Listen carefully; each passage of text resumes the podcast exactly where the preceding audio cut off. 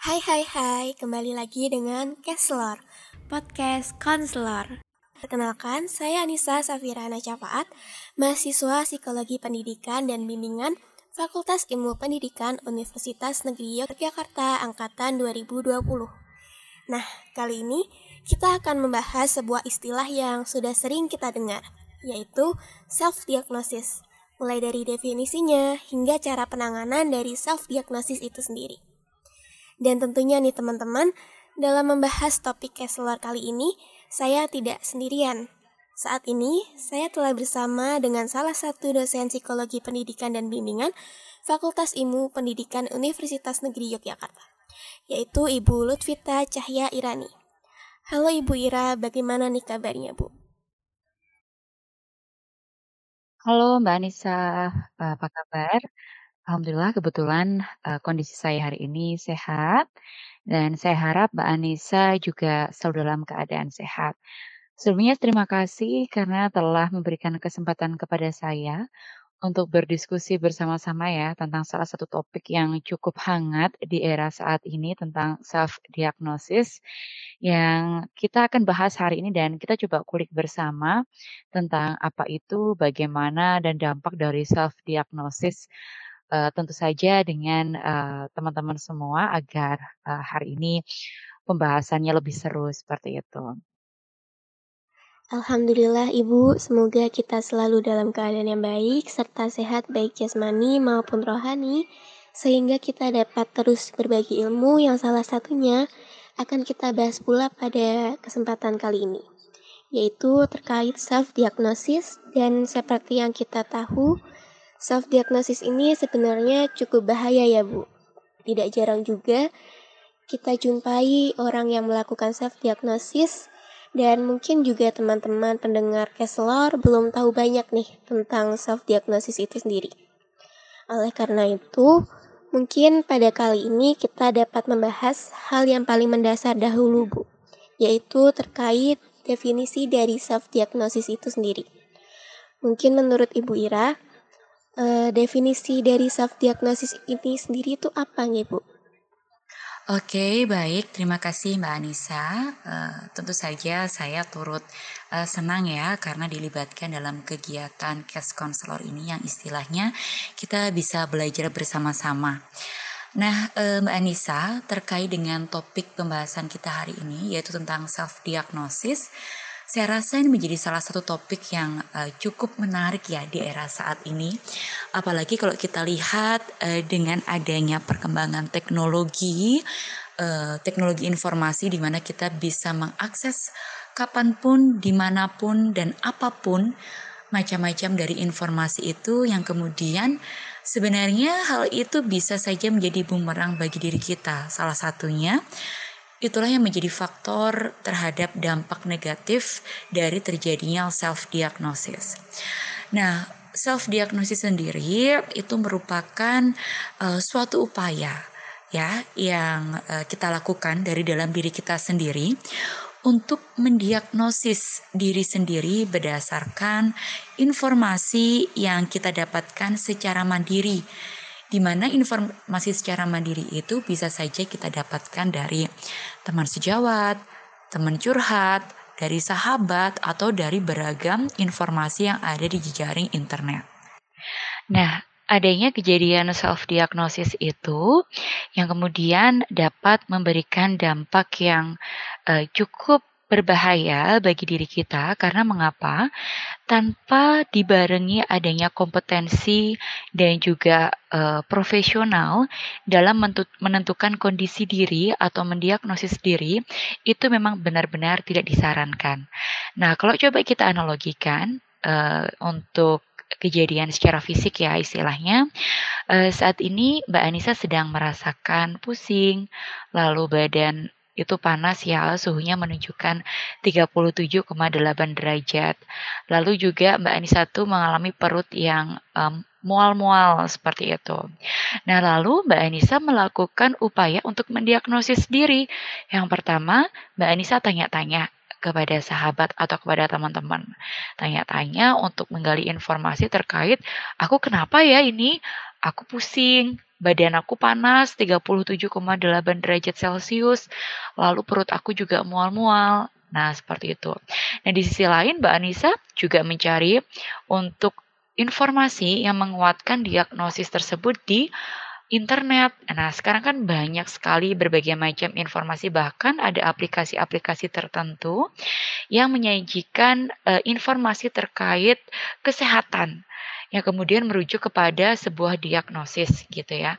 Nah, akhirnya karena bermodal informasi dari teman-teman dan juga menggunakan uh, jejaring internet untuk mendapatkan informasi, akhirnya Mbak Anissa secara pihak, secara mandiri menentukan diagnosis bahwasannya, oke, okay, aku ini uh, sedang sakit diare gitu ya.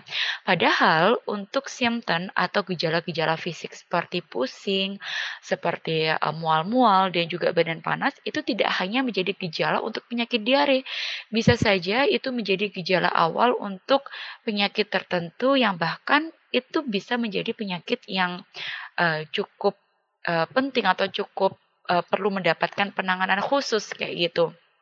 Akhirnya, karena adanya upaya untuk mendiagnosis diri, akhirnya Mbak Anissa ini men-skip atau menunda untuk memperoleh penanganan pelayanan kesehatan secara lebih tepat karena tidak diberbarengi atau tidak dibersamai dengan tenaga yang profesional. Seperti itu. Nah, kalau kita coba analogikan pada aspek kesehatan secara psikis, tadi kan contoh analogi dari kesehatan secara fisik.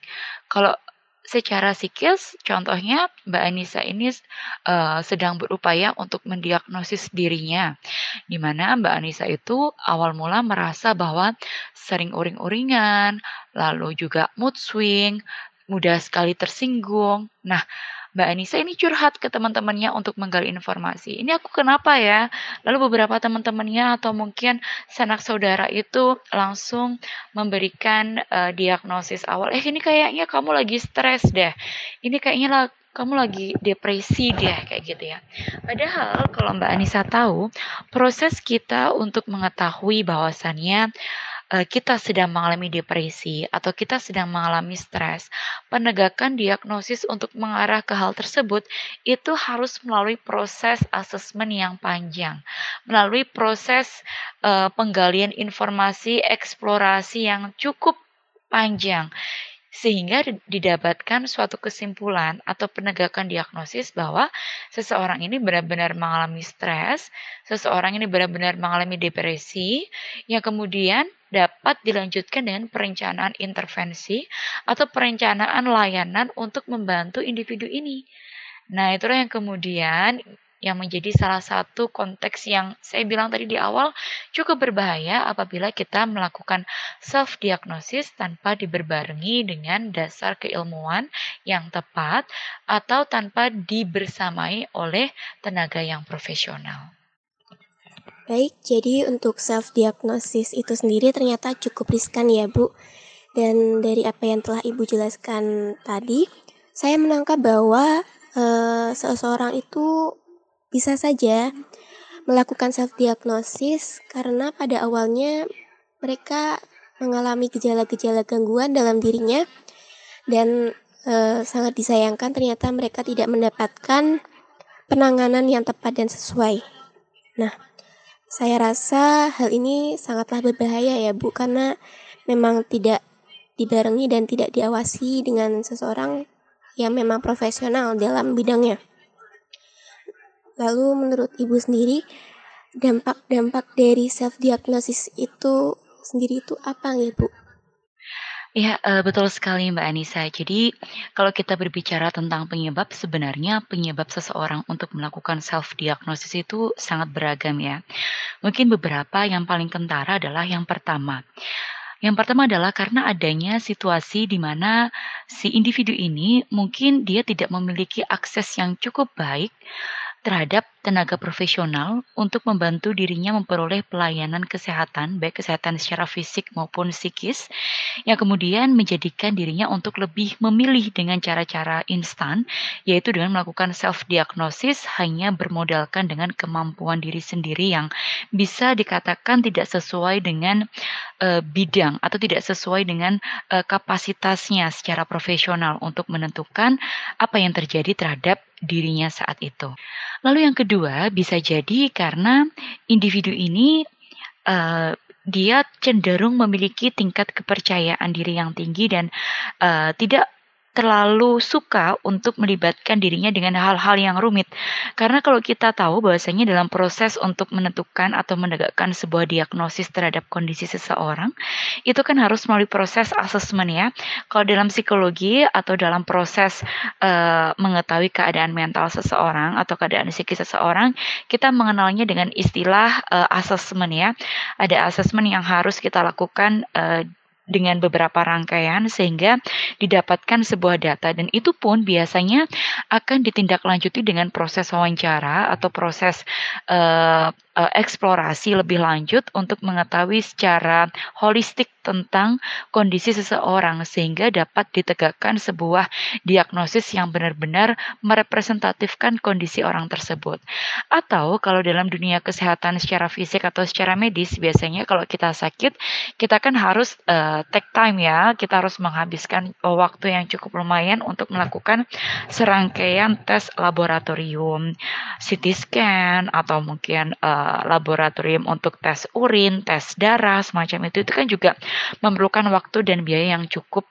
Oleh karena itu, untuk menegakkan diagnosis, barangkali individu ini tidak terlalu suka dengan hal-hal rumit semacam itu yang pada akhirnya dia memilih jalan pintas untuk hanya uh, menggunakan uh, sumber dari informasi internet atau pendapat orang lain yang tidak profesional untuk men untuk menentukan kondisi atau menegakkan diagnosis uh, dari kondisi yang terjadi dalam dirinya. Lalu barangkali yang ketiga, penyebab seseorang untuk melakukan self diagnosis adalah adanya rasa panik gitu ya. Uh, self diagnosis itu uh, diawali dengan proses panik atau juga self diagnosis itu dapat memicu kepanikan yang kemudian akan menimbulkan dampak berkelanjutan seperti stres terhadap seseorang. Dan apabila kita melakukan self diagnosis, uh, kita juga cenderung mengalami berbagai macam kepanikan yang tidak seharusnya. Nah, saat melakukan self diagnosis akan lebih mudah bagi seseorang tersebut berasumsi terhadap hal-hal yang buruk yang kemudian dapat memicu beragam kekhawatiran. Sudah kita panik, lalu kita melakukan self diagnosis, lalu akhirnya kita ujung-ujungnya akan mengalami self anxiety atau kita mengalami kekhawatiran yang yang uh, itu cukup mengganggu diri kita gitu ya. Lalu Mbak Anissa, Penyebab berikutnya orang-orang melakukan self diagnosis itu juga ditengarai karena adanya situasi di mana individu ini tidak memiliki kecakapan secara akademik sehingga ia tidak mengetahui bagaimana caranya uh, proses untuk menentukan diagnosis terhadap dirinya. Dalam artian dia tidak mengetahui bahwasannya untuk Menegakkan sebuah diagnosis harus melibatkan tenaga profesional, harus melalui serangkaian proses testing yang uh, cukup lumayan panjang, dan tidak bisa sebuah diagnosis itu hanya ditentukan berdasarkan asumsi orang lain atau asumsi diri sendiri berdasarkan modal dari mencari informasi di jejaring internet. Atau mungkin individu ini melakukan self diagnosis barangkali karena memang tidak memiliki akses dari segi finansial untuk memperoleh pelayanan secara profesional untuk menentukan penegakan diagnosis terhadap apa yang sedang terjadi dalam dirinya. Nah, itulah e, barangkali penyebab-penyebab yang e, ditengarai menjadi penyebab utama seseorang untuk melakukan self diagnosis. Lalu Mbak Anissa, barangkali ini bisa dijadikan sebagai uh, rangkaian berikutnya terkait tentang penyebab mengapa individu itu cenderung melakukan self diagnosis. Nah, ini kita tidak bisa memungkiri ya bahwasannya dalam kehidupan kita perubahan itu merupakan sebuah keniscayaan. Dan perubahan inilah yang kemudian menjadikan kita untuk mengenal beragam kosakata baru. Adanya perubahan yang disebabkan perkembangan teknologi yang sangat berkembang begitu cepat menjadikan kita juga uh, mengenal beberapa kosakata baru. Nah, kosakata baru itulah yang kemudian menjadi uh, salah satu apa ya, semacam mudah mudah aja gitu disebutkan oleh para uh, generasi sekarang seperti uh, saya sedang mengalami quarter life crisis atau mungkin saya saat ini sedang membutuhkan healing. Saat ini saya sedang mengalami stres. Saat ini saya sedang mengalami depresi. Saat ini saya sedang mengalami insecure. Saya mengalami toxic workplace. Saya sedang mengalami uh, saya membutuhkan financial freedom, contohnya seperti itu ya. Nah, pengkondisian-pengkondisian seperti itu untuk merujuk pada sebuah kosakata, karena kosakata itu kan merujuk pada kondisi seseorang. Nah, itu bisa saja diartikan sebagai sebuah definisi terhadap diagnosis tentang apa yang terjadi dalam dirinya tanpa dibarengi uh, sebuah proses penelaahan yang uh, cakep, sebuah proses uh, perhitungan yang cukup baik dan proses eksplorasi terhadap diri sendiri yang kemudian merujuk pada sebuah proses diagnosis yang salah. Berikutnya, Mbak Anissa, eh, kalau kita berbicara tentang dampak ya, bagaimana seseorang itu yang terus-menerus melakukan self diagnosis tentu saja itu akan berdampak ya dalam kehidupannya dan saya rasa apabila self diagnosis itu tidak dibarengi dengan pengetahuan yang cakap dan juga uh, didampingi dengan tenaga profesional tentu saja self diagnosis itu akan berdampak lebih banyak negatifnya daripada positifnya. Beberapa dampak negatif dari seseorang yang melakukan self diagnosis tersebut Pertama, terjadinya gangguan kesehatan yang lebih serius yang tidak terdeteksi lebih dini. Nah, kesehatan ini bisa kita asumsikan kesehatan secara fisik dan juga kesehatan secara psikis. Nah, gejala psikologis yang ada dalam diri kita uh, itu merupakan uh, salah satu bentuk dampak dari uh, masalah kesehatan fisik secara psikis maupun uh, secara fisik ya.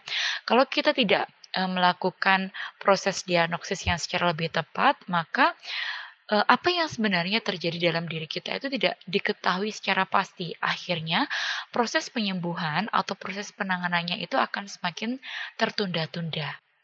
Lalu yang berikutnya, eh, kita bisa saja mengalami proses atau mengalami kejadian di mana kita salah mengkonsumsi obat atau kita salah menjalani suatu intervensi tertentu terhadap uh, keluhan yang terjadi dalam diri kita. Contoh simpelnya seperti ini. Saya sedang mengalami suatu uh, gejala tertentu di mana kalau menurut pendapat profesional, saya ini sedang mengalami kondisi uh, tidak sampai dengan stres. Saya barangkali saat ini hanya perlu mengistirahatkan diri dengan menjaga pola tidur saya agar performansi diri saya dalam kegiatan sehari-hari itu dapat berjalan secara optimal. Namun karena saya berinisiatif dengan melakukan self diagnosis, maka saya menentukan self diagnosis diri saya sendiri dengan uh, istilah stres. Karena istilah stres itulah kemudian saya berupaya untuk mencari cara untuk uh, menyelesaikan atau melakukan healing dengan dengan berlebihan. Contohnya saya healing harus ke Bali, saya healing, uh, saya healing harus dengan cara berbelanja, saya healing harus dengan cara hal-hal yang menguras uh, apa uang yang cukup banyak yang bahkan sebenarnya kalau menurut uh, tenaga profesional sebenarnya saya hanya cukup dengan cara uh, mengalokasikan waktu istirahat yang yang yang optimal kayak gitu. Tidak perlu healing sampai ke mana-mana.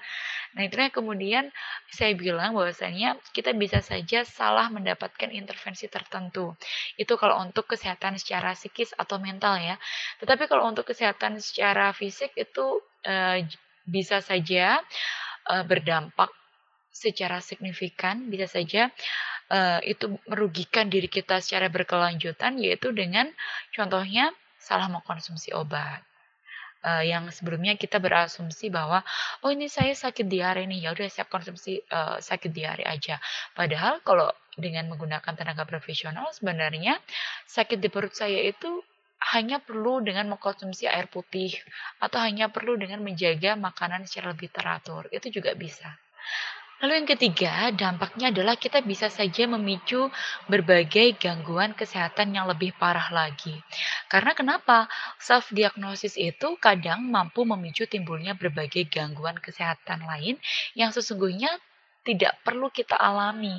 Sebagai contoh, jika saat ini kita tengah mengalami stres dan insomnia yang berkepanjangan, bisa jadi masalah ini sesungguhnya tidak hanya berupa gangguan psikologis, seperti di antaranya depresi.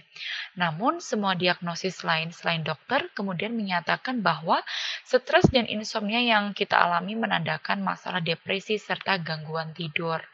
Jika uh, jika kita terus-menerus merasa khawatir, kemudian malah beresiko mengalami depresi yang tadinya tidak ada, maka perilaku mendiagnosis diri sendiri juga tidak hanya menimbulkan kekeliruan, tetapi juga berbahaya bagi kesehatan. Jika tidak disikapi dengan bijak, maka informasi kesehatan yang seharusnya bermanfaat justru dapat menimbulkan kekhawatiran yang berlebihan. Nah, seperti itulah eh, dampak dari self-diagnosis. Wah, ternyata untuk self-diagnosis itu sendiri memang cukup berbahaya ya, Bu. Jika dilakukan oleh diri sendiri, yang mana dari segi dampak dapat kita lihat bahwa jika kita mengalami intervensi atau mendapatkan penanganan yang kurang tepat, hal itu bisa memicu gangguan kesehatan yang lebih parah lagi dan juga e, menyebabkan gangguan kesehatan yang lebih serius, yang mana tidak dideteksi lebih awal atau lebih dini. Lalu untuk penyebabnya sendiri ternyata memang cukup beragam, yang mana e, hal ini bisa disebabkan dari adanya individu yang tidak menyukai prosedur yang rumit sehingga ia lebih memilih cara-cara yang lebih instan.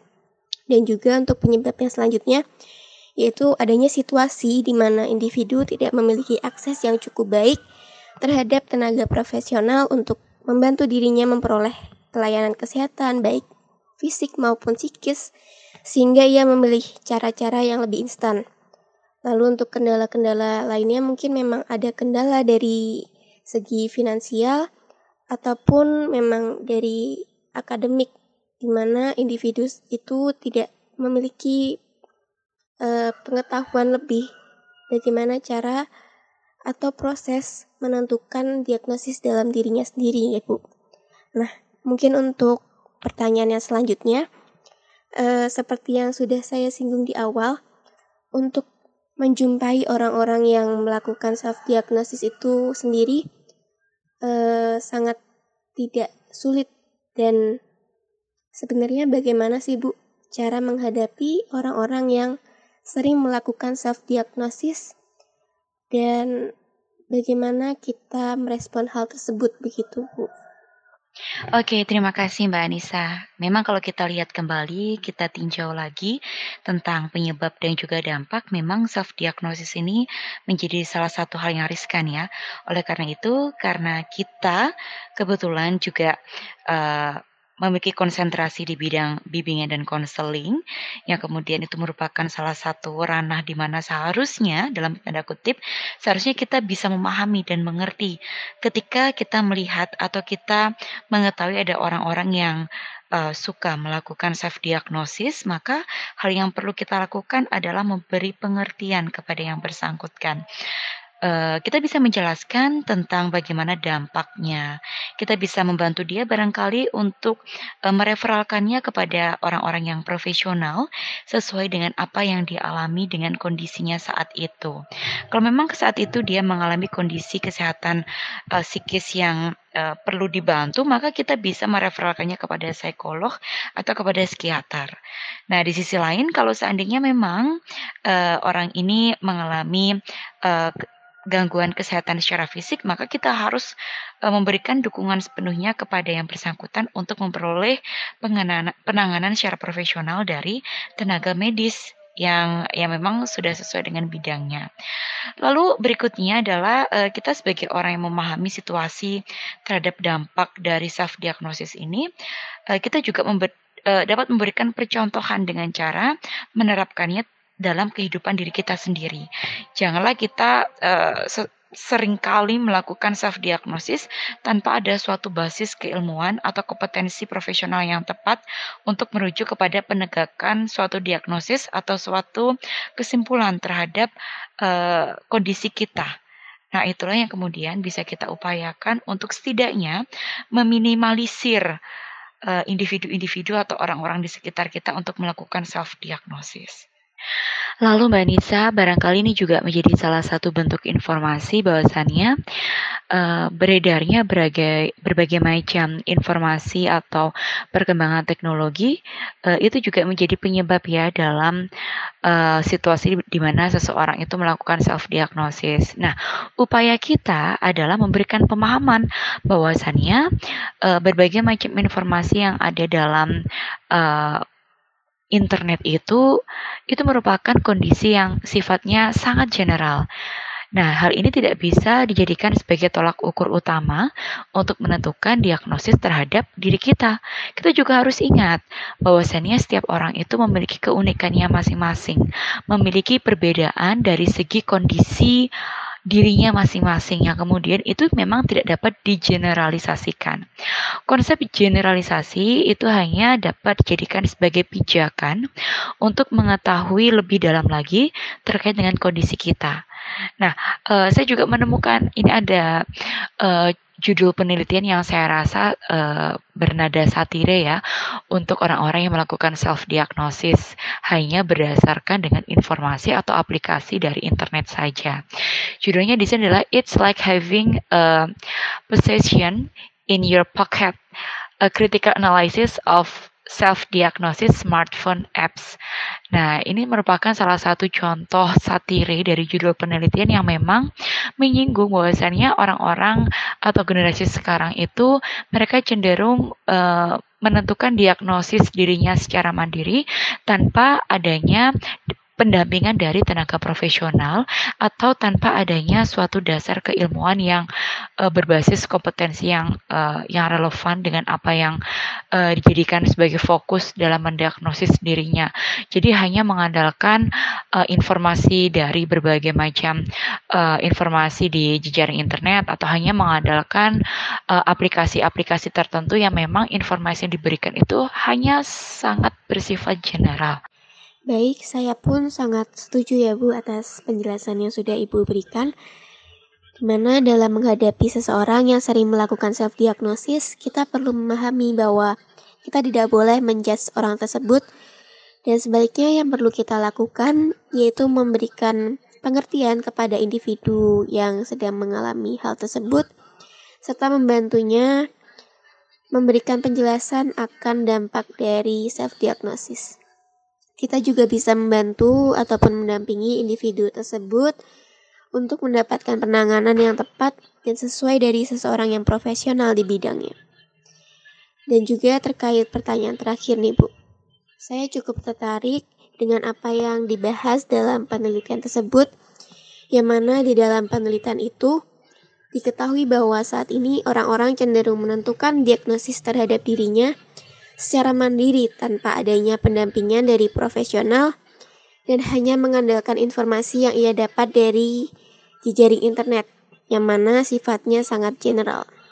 Lalu jika seseorang sudah cukup sering melakukan self diagnosis, saya izin bertanya nih Bu, apakah perilaku tersebut nantinya dapat hilang atau sembuh dengan sendirinya atau memang membutuhkan pendampingan untuk menghilangkan perilaku tersebut, Kecenderungan manusia itu ketika dia memperoleh suatu uh, katakanlah uh, keuntungan atau katakanlah sebagai bentuk suatu kenyamanan itu akan lebih sulit untuk mengubah perilakunya walaupun toh itu memang memiliki dampak yang mendestruktif atau mendimage gitu ya.